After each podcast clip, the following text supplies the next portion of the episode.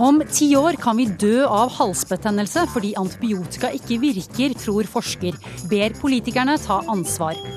En 15-åring er tatt ut til fotballandslaget som den yngste noensinne. Vi har alltid visst at Martin endte opp der, sier fotballkompiser.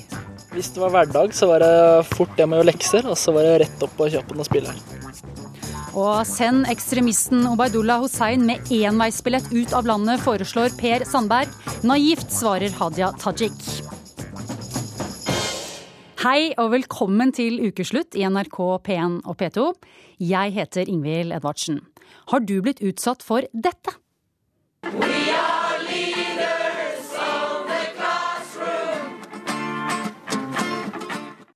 Ja, hvorfor er streikesangene til lærerne så dårlige, spør vi, og har gitt en artist utfordringen med å lage en ny låt. Vi bruker så mye antibiotika at medisinen ikke lenger virker på en del bakterier. Hvis det ikke tas grep, så kan sykdommer som halsbetennelse og lungebetennelse bli dødelig. På Ullevål sykehus blir pasienter med såkalte resistente bakterier lagt på isolat. Reporter Linn Beate Gabrielsen fikk en omvisning. Og her går vi inn, og så må vi inn og lukke døra her. Og vi får ikke åpna døra inn til selve sykestuen før den ytterdøren er i, lukket. Og så her kan vi kle på oss sterilt med smittefrakk og med hansker og med munnbind. Jeg må vaske mine hender, og så må jeg ta på hansker og smittefrakk og munnbind, og noen ganger hette. For, for, å beskytte meg selv og, og, for å ikke bli kolonisert med, med resistente bakterier hvite vegger, en TV og en PC. Dette er det eneste du skal se på i dager, uker eller måneder om du er så uheldig å bli smittet med bakterier som er resistente mot antibiotika. Og det kan du få bl.a. gjennom maten. Eh, det er det berømte tallet at eh, det i Europa dør det 25 000 mennesker hvert år av resistente bakterier, og det er flere enn de som dør i bilulykker. Dag Beril er overlege på infeksjonsavdelingen på Ullevål sykehus. Han har forsket på antibiotikaresistente bakterier i 20 år, og har advart nesten like lenge mot uvettig bruk av antibiotika. For det fører til resistente bakterier. Det er som sagt et av verdens største folkehelseproblem nå. Og det er menneskeskapt. Det har vi selv skapt. På laboratoriet på Ullevål sykehus får de ukentlig inn prøver som viser seg å være resistente bakterier. I små, runde begre legger de ulike antibiotikalapper over bakteriene. Her ser vi en skål med et medium hvor vi har sådd ut bakteriene. Og så ligger det fem antibiotikalapper på den skålen. Rundt tre av de antibiotikalappene så er det full vekst av bakterier inntil lappen. Dvs. Si at de er motstandsdyktige, de er resistente. Slik ble også Lill Karin Skaret testet da hun kom hjem etter et lengre sykehusopphold i India. Testen var negativ, og hun kunne slippe ut av isolat. En uke senere kom sjokket. Så fikk jeg da beskjed om at jeg var testet positiv på denne klepsiella pneumonia der nede. Og eh, det var jo for så vidt litt av et sjokk. Men da var jeg som sagt hjemme. Og men problemet var jo at jeg hadde jo hatt besøk av et lite barnebarn og de tingene der, uten at jeg visste om at jeg hadde denne her smitten. Og det ble jo da full ståhei i familien. Bakterien kunne ikke behandles med antibiotika. Og lill Karin måtte holde seg borte fra folk i nesten ni måneder. Tankene stopper opp vel en stund, og så kommer redselen egentlig. Hva var det du var redd for? Ja, Vi hadde jo eh, sjekket ut da på internett hva dette her kunne medføre. Og det viser, viste seg jo det at denne, denne typen klepsiella den kunne jo medføre døden i verste fall, hvis man, den f.eks. kom inn i blodbanen og gikk over i eh, lungene, f.eks. Bakteriene lærer fort å beskytte seg mot antibiotika. Derfor kom det stadig nye antibiotika de første tiårene etter at det ble oppdaget. Men nå har det ikke kommet noen ny antibiotika på 25 år. Vi har bare de siste reservene igjen i skapet, sier Beril. For det første så er det vanskelig å fremstille nye antibiotika. Og for det andre så lønner det seg ikke lenger for industrien. Du og jeg bruker dobbelt så mye antibiotika i dag som for 30 år siden. Og dette er en verdensomspennende trussel mot folkehelsa, sier Verdens helseorganisasjon. Men vanlig halsbetennelse eller rosen eller lungbetennelse lungebetennelse kan bli dødelig. Altså. De var jo dødelige før vi fikk antibiotika, spesielt både, både rosen og ikke minst hjernehinnebetennelse. Der døde jo alle. Så, så, hvis det skulle gå så galt at vi får uh, totalresistente bakterier, så, så ser det ille ut for vanlige infeksjoner. Det er én ting, men det som er nesten like så gale, det er at da blir det slutt på moderne medisin som transplantasjoner og, og kreftbehandling med cellegift og protesekirurgi og sånne ting. For alle de behandlingene der de er avhengige av at vi har virksomme antibiotika. Ellers så får man infeksjonskomplikasjoner. Så hvorfor slutter ikke bare legene å skrive ut så mye antibiotika? Jeg mener jo at legene ikke skriver ut så mye antibiotika, da, når du stiller spørsmål på den måten. Og det, det kan jeg si, fordi vi vet at vi er blant de aller beste i Europa. Hege Gjessing er president i Legeforeningen. Men eh, dette er, må ses i en veldig mye større sammenheng. Det er ikke sånn at hvis, hvis norske leger hal, halverte eh, utskrivningen per i dag, så var problemet løst. Ikke i det hele tatt. Det handler også om matproduksjon, selv om det er mindre av det i Norge enn f.eks. i Danmark. så brukes det for mye antibiotika inn i dyreproduksjonen. Dette påvirker også resistensutviklingen. Etter ni måneder isolert i sitt eget hjem kom endelig den gode nyheten for lill Karin. Det var jo faktisk at man nesten ikke trodde det var sant. Jeg ble jo utrolig letta, selvfølgelig. Men vil vi være like heldige som lill Karin om 10 eller 20 år? Og skal vi stole på at kroppen vår klarer å hamle opp på egen hånd? Om 20-30 år så vil folk ta seg til hodet og si hva tenkte vi på i 80-90-åra i første desennium av 2000-åra? Hvordan klarte vi å søle vekk antibiotika? Men vi får håpe det tar tid, og vi får håpe at eh, man eh, finner frem nye antibiotika. Så får vi håpe at politikerne tar ansvar. Det Problemet er altfor stort for legene. Det, det må komme ovenfra, fra politikere og fra sykehusadministratorer. Det er de som må gi oss den håndsrekning vi trenger for å, å prøve å takle problemet. Dag Berild, vi hørte deg her i saken. Nå er du her i studio sammen med helseminister Bent Høie. Hva vil du si til han?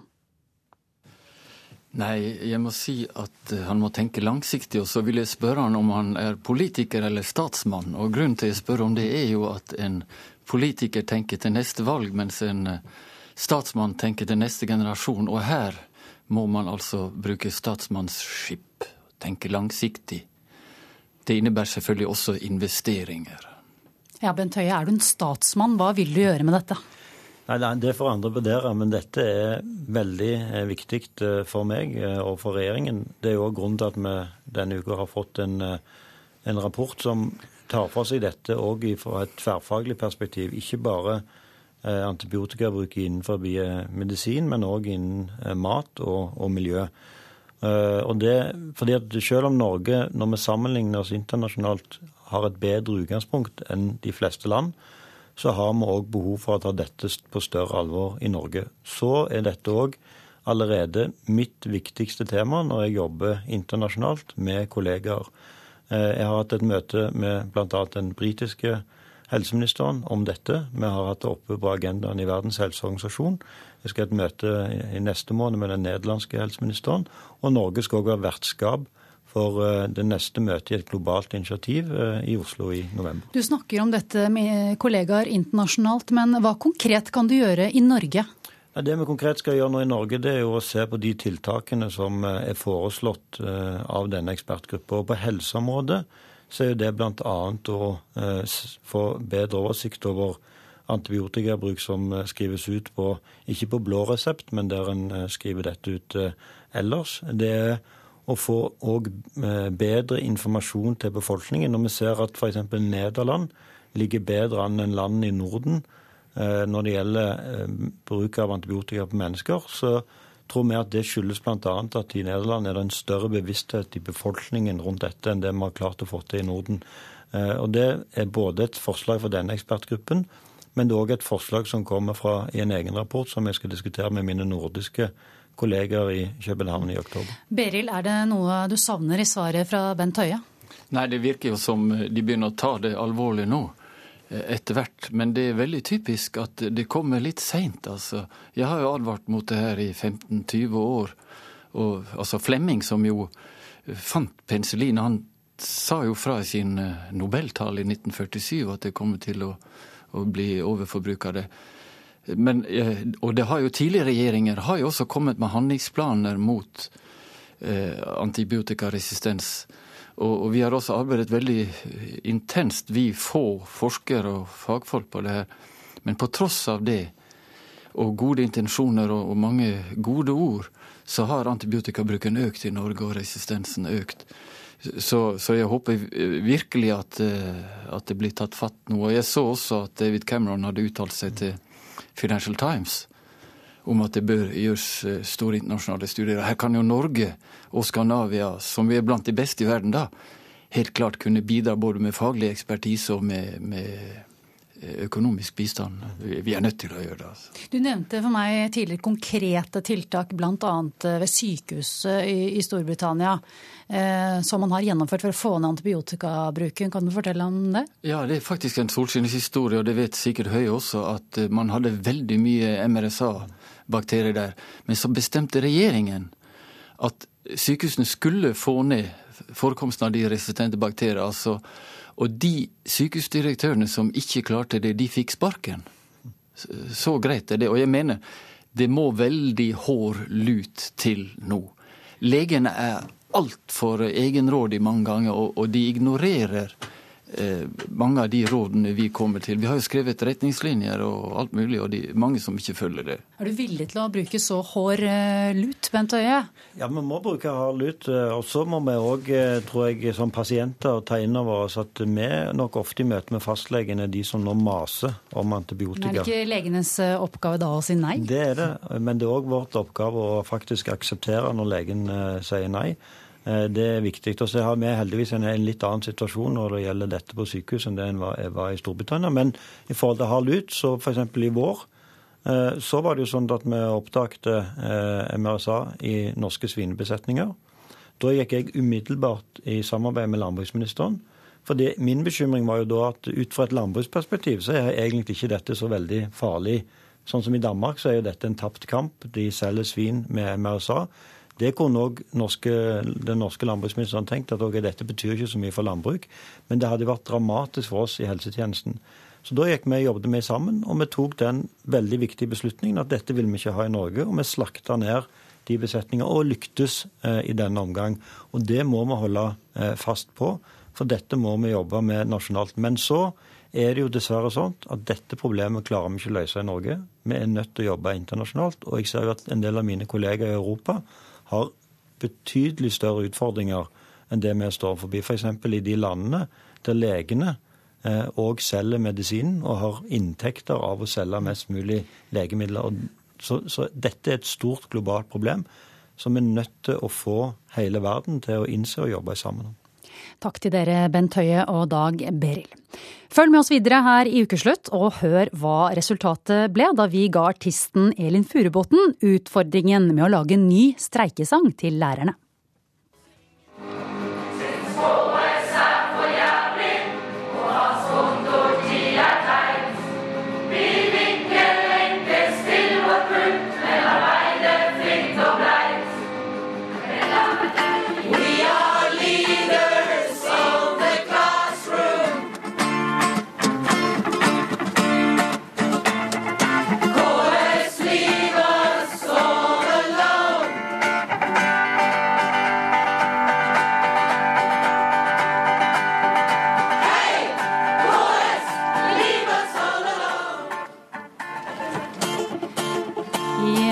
T-skjorter, forsiktig vuggende og med alvorlig blikk synger lærerne i Skedsmo deres egenproduserte sang.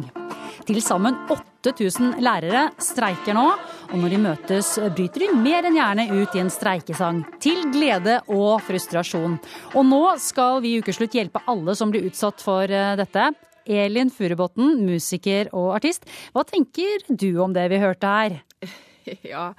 Nei, eh, det er jo fint, eh, tenker jeg, at må, man må jo få lov å streike når det er noe viktig. Men jeg tenker kanskje at det er litt sinte stemmer og litt hardt, og eh, gjerne litt eh, Jeg vet ikke om det er en del klaging her, jeg har ikke hørt på teksten, men, mm. men ja.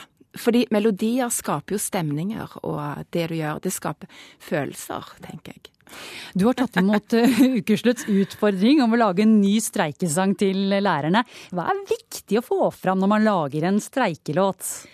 Ja, jeg tenker at det er viktig med følelser. At du får frem det du vil ha. Altså det er viktig, nummer én selvfølgelig, at du får et fellesskap innad i lærergruppen eller de som streiker. At de har eh, ja, at de får et fellesskap. Og så må de òg få folk som ikke er lærere, til å skjønne hvorfor de streiker. At de vil f.eks. det beste for barna våre at vi må få følelsen at de er oppriktig glad i barna våre. og derfor fortjener de, de bedre vilkår. vilkår sånn. Så sier vi 'Å ja, det var sant'. Vi heier på de.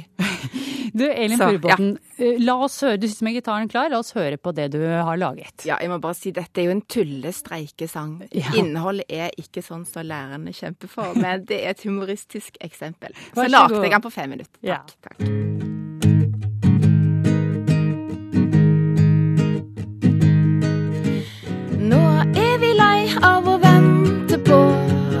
Vår kjære regjering skal forstå at jobben vår har en stor verdi, for barna våre elsker vi.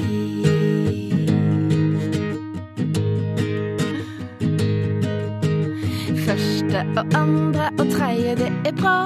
Fjerde og femte klasse vil vi ha. Så kommer ungdomsskolen, det er bra, for barna vår er vår fremtid.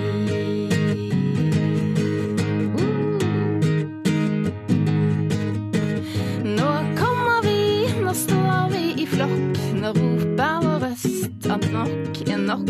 Vi vil bli prissatt, vi vil bli frie, for barna våre elsker vi. Første og andre og tredje, det er bra. Fjerde og femte klasse vil vi ha. Så kommer ungdomsskolen, det er bra, for barna vår er vår fremtid.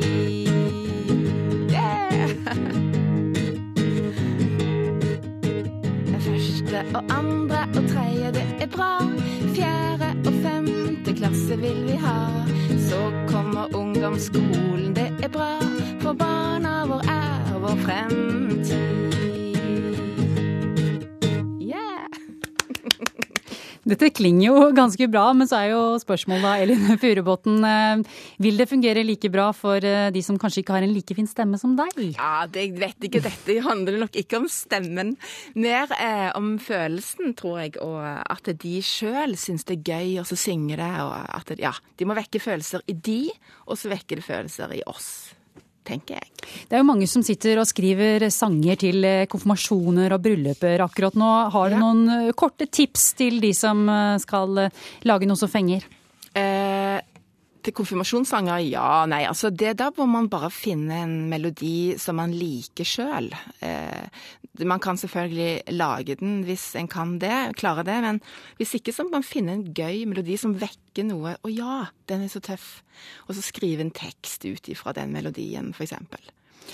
Elin Furubotn, eh, takk for at du var med i Ukeslutt. Og da er det bare å vente og se om noen plukker opp eh, sangen din før streiken er Ja, det håper jeg ikke. ja. Takk skal du ha. Takk for, takk for det. Nå er det streik, streik her i NRK. Ja, slik kan det gå når sjefen ikke har råd. Nå er det streik siden vi hang ut eh, læreren litt, så tenkte vi at vi også skulle være rause nok til å si at her i NRK er vi ikke så mye bedre enn det. Og det vi hører her, det er NRKs streikesang fra 2006. Nå får du Leif og kompisene med frieri. Du hører på Ukeslutt. I den neste halvtimen blir det mer om dette. Jeg tror ikke Børre Knutsen virkelig mente at abort er barnedrap, skrev lege Preben Aavitsland.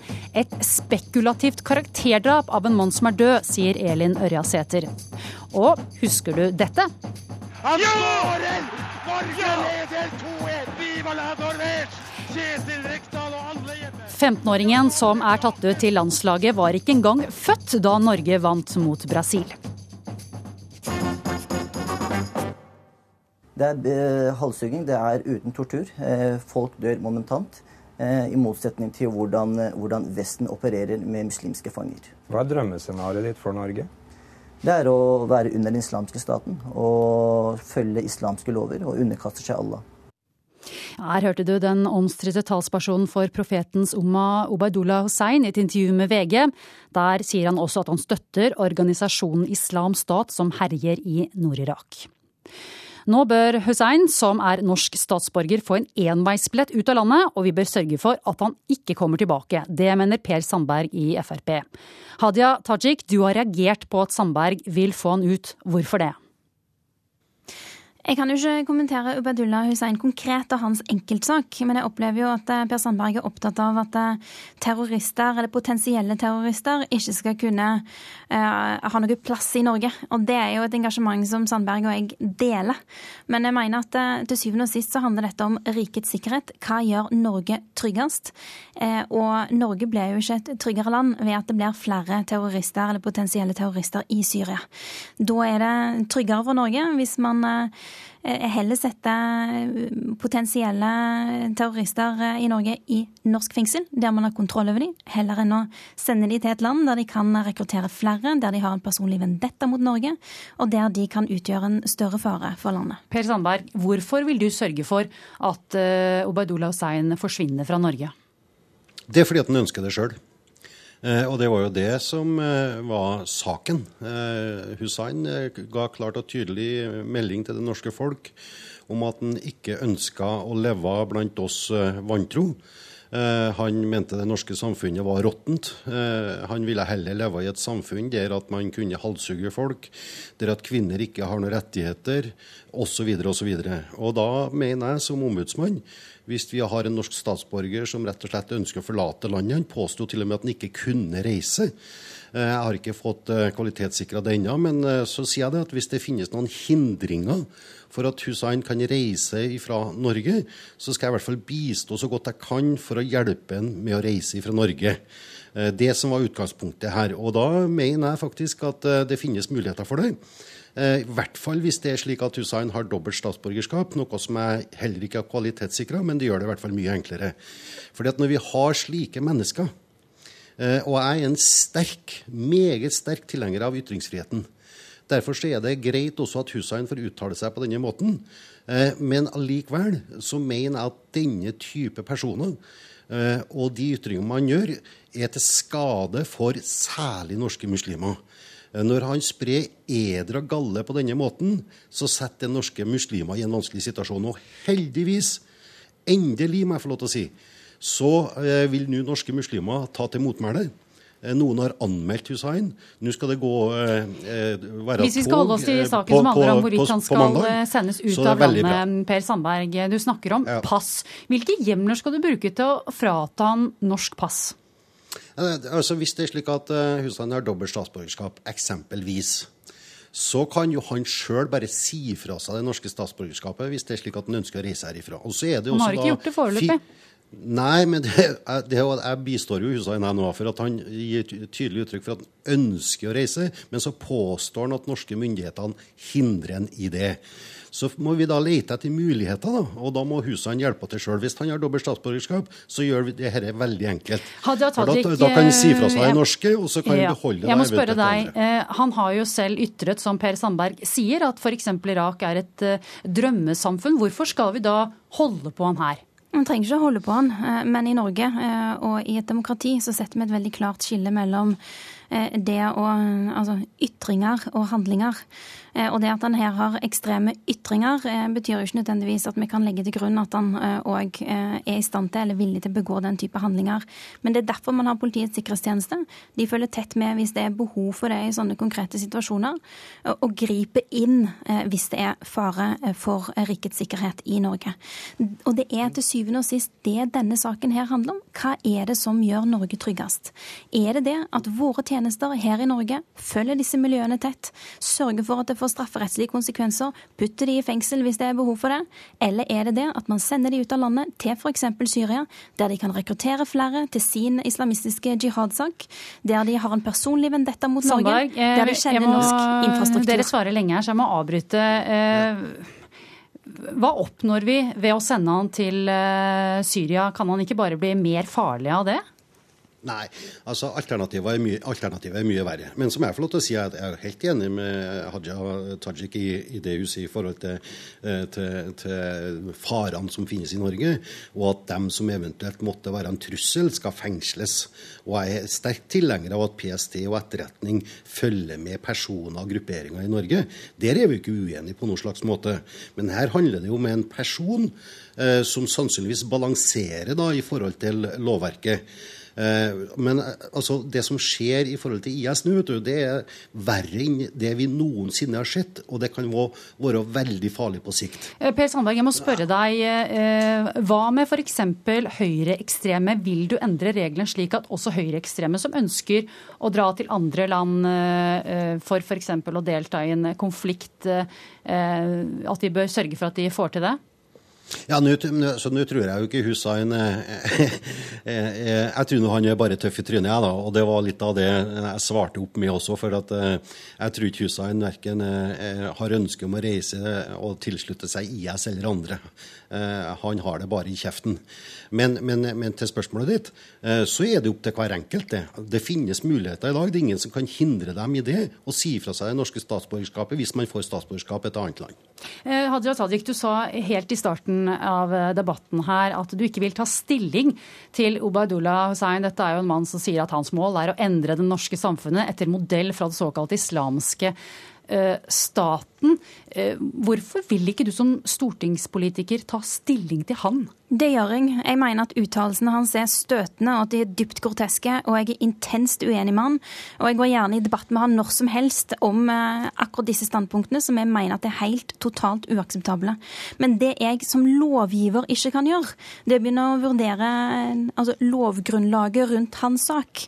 Og, og, begynne å si at man bør frata han eh, statsborgerskap og ikke. Det er sånne ting i enkeltsaker som ansvarlige lovgivere ikke gjør. Det vi diskuterer, er prinsippet prinsippene og det prinsipielle i sånne saker. Det gjør jeg gjerne. Per Sandberg, Frp foreslo en gang å sende alle narkomane til Jan Mayen. Hva med å relansere den ideen bare for eh, ekstremister?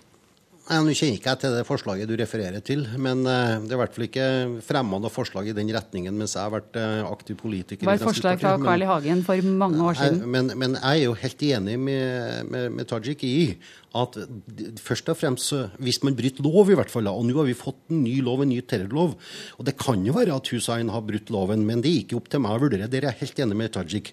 Men så er det altså sånn på generelt grunnlag, da, så kan vi i hvert fall opplyse som lovgivere hva som er muligheter for Hussein hvis han ønsker å reise eh, fra, fra Norge. Og det er det jeg har gjort.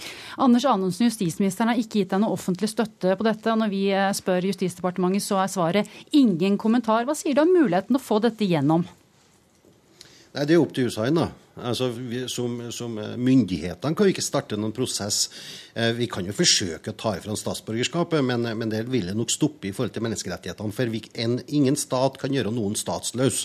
Så her må Hussein bistå sjøl for å få lov til å reise fra Norge. Og du er villig til å hjelpe han med det, Per Sandberg. Takk for at du kom til ukeslutt. Takk også til deg, Hadia Tajik.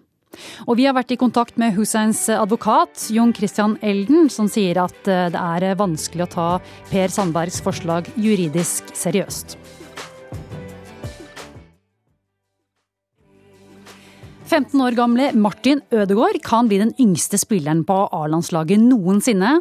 Denne uken fikk han vite at han er tatt ut til landslagssamling, og dermed er han historisk. Det er utrolig stort og morsomt, og en drøm som går i oppfyllelse. Det sa 15 år gamle Martin Ødegaard etter landslagsuttaket denne uka. Men eh, la oss spole litt bakover i tid. Her er Tom Blom i hardt vær, og han må kaste seg over ballen for å redde situasjonen. Oh, det ble litt langt. Men eh, dette handla da om eh, Tom Blom. En av de yngste som noen gang har spilt på et norsk landslag, og tidenes yngste keeper. 17 år og 68 dager da han debuterte i 1937 i en kamp der Norge tapte 10-0 mot Sverige. Han skårer! Norge leder 2-1!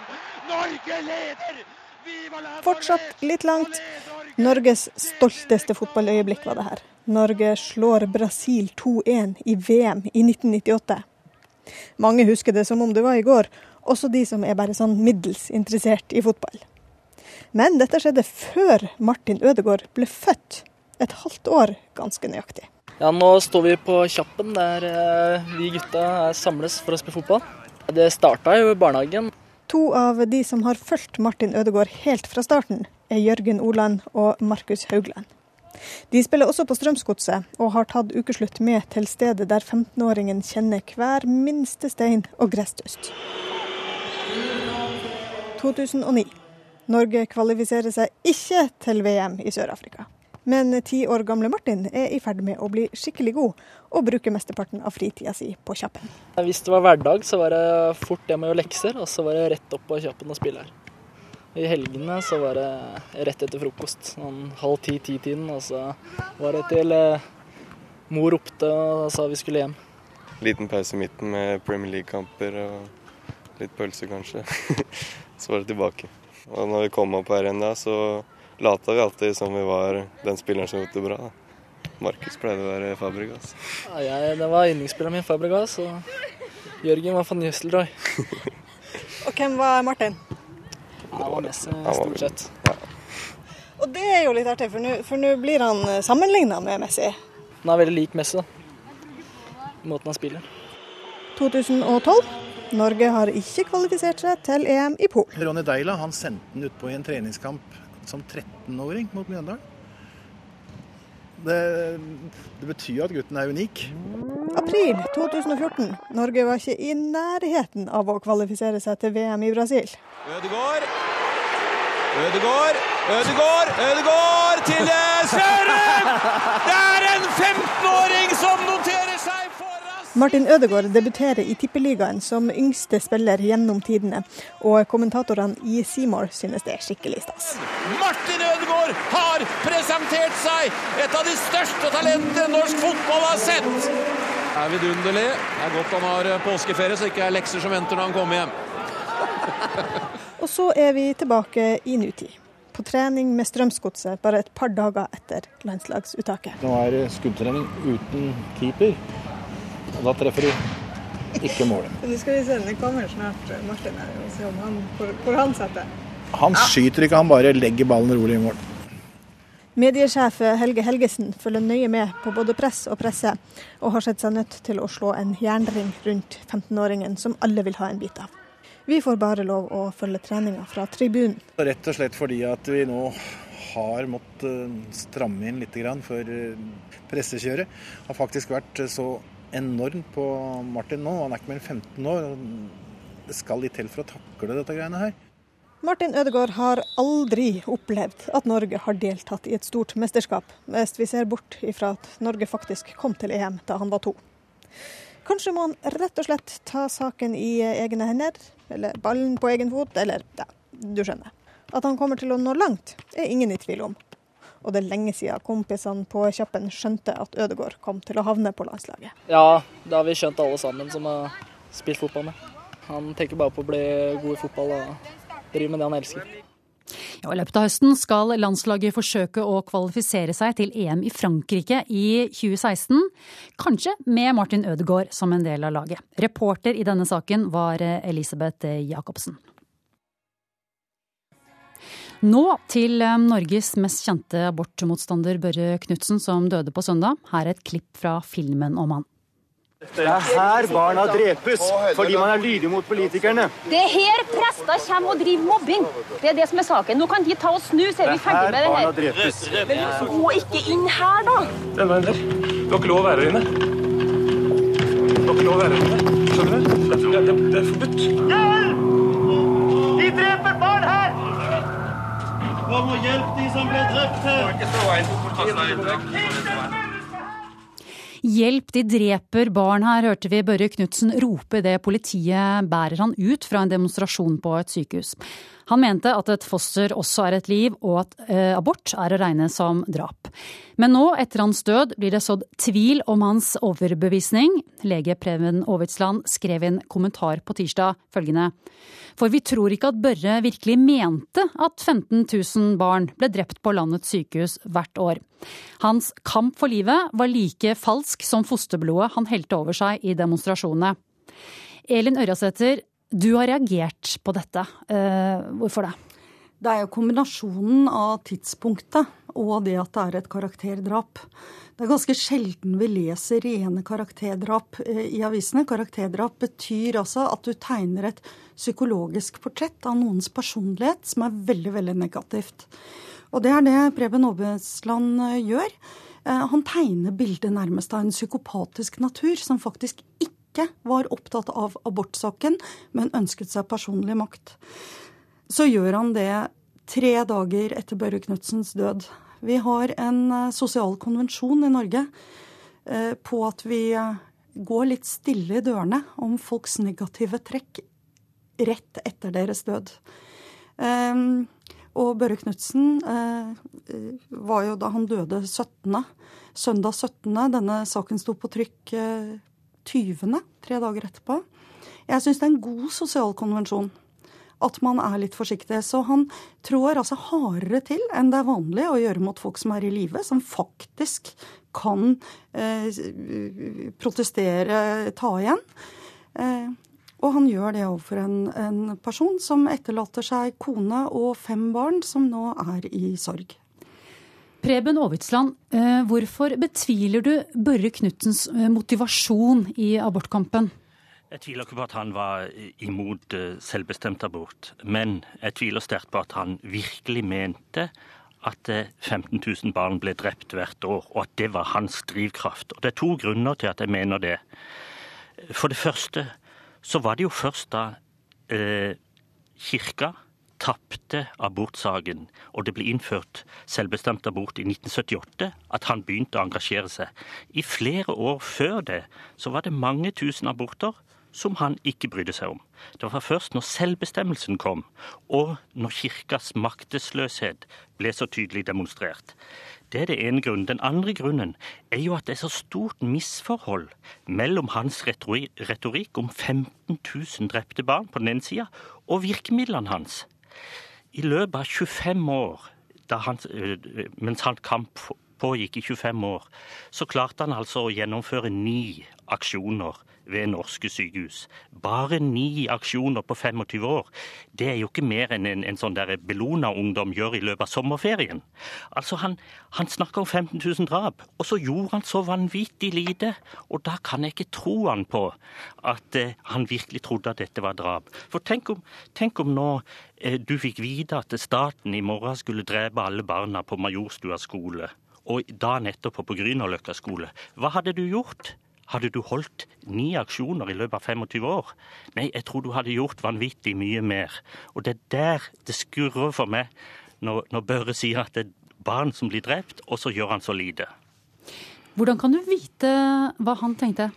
Jeg kan ikke vite hva han tenkte, men det er en ganske god tradisjon for å prøve å komme under overflata på folk. Børre Knutsen var en mester i å iscenesette seg sjøl. Men jeg vil prøve å komme bak det bildet han og støttespillerne nå prøver å tegne han. Det har vært en 15-20 positive eh, nekrologer om han nå.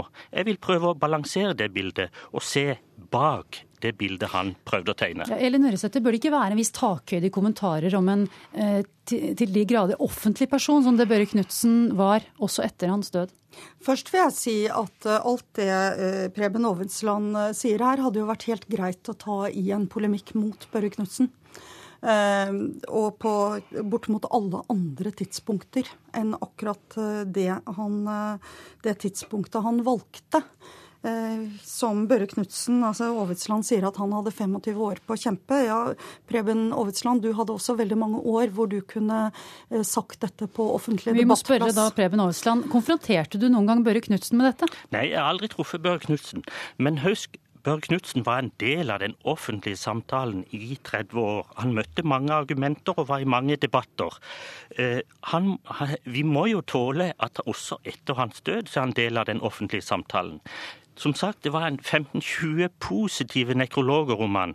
Da må det være lov å, å prøve å utfylle bildet av Børre Knutsen. Elin Røsette, vær så god. Ja, jeg har lyst til å, å kommentere dette med at, uh, at, han ikke gjorde nok. Han mistet jo jobben sin. Han uh, ødela familiens økonomi. Og familien har jo i ettertid uh, kommet og fortalt at, at de hadde det veldig, veldig tungt pga. hans Eh, engasjement. Så spørsmålet er hva mer skulle han gjort? Jeg syns jo i disse tider hvor eh, det dessverre er ganske mange som går inn for vold og terror, når det er verdispørsmål på spill for dem, eh, enten det er islamister som mener homofili er synd, eller det er innvandringskritikere som mener at Norge holder på å bli ødelagt. Altså folk har sterke meninger så syns jeg at det blir rart å kritisere en mann fordi han faktisk fulgte de demokratiske spillereglene. Eh, hva, hva, burde han gjort? Hva burde ja. han gjort? La meg først si at det er ikke særlig demokratisk å trenge seg inn på en gynekologisk poliklinikk. Faktisk helt inn på pasientrommet der kvinnene var, og, og, og begynne å stille spørsmål ved deres avgjørelse. Det er ikke en demokratisk metode, Elin. Men la meg si hva han kunne ha gjort av ikke-voldelige tiltak. Han hadde 25 år. På de 25 årene så klarte han altså ni ganger å ha aksjoner på sykehus. Han burde jo ha gjort mye mer. Han burde hatt en aksjon hver eneste dag. Han burde ha lenka seg fast ved sykehuset. Han burde ha ført sak mot staten i Strasbourg. Han burde ha, sånn som de faktisk diskuterte, de diskuterte å bryte seg inn på sykehuset og ødelegge eh, medisinske utstyr som ble, ble brukt til abort. Hvorfor gjorde han ikke det, hvis han virkelig mente at dette var 15 000 drap? Da er det stusslige virkemidler han gjorde når han bare klarte ni aksjoner på 25 år. Eh, igjen, jeg syns dette er en merkelig tidspunkt eh, å komme med denne kritikken. Mannen er ikke engang i jorda. Eh, så husker jeg jo disse aksjonene veldig godt. og De rammet meg følelsesmessig som de rammet veldig mange andre kvinner. Og jeg hadde Jeg har lite Altså, jeg er ikke enig med Børre Knutsen i sak, men jeg syns det er noe med anstendighet her. Da må jeg avslutte. Tusen takk for at dere var med, Elin Ørjasæter og Preben Avisland. Det er ukeslutt over. Ansvarlig for denne sendingen var Gry Veiby. Teknisk ansvarlig Finn Liv. Skript var Oda Holm Gulbrandsen, og jeg heter Ingvild Edvardsen. Ha en ordentlig fin lørdag.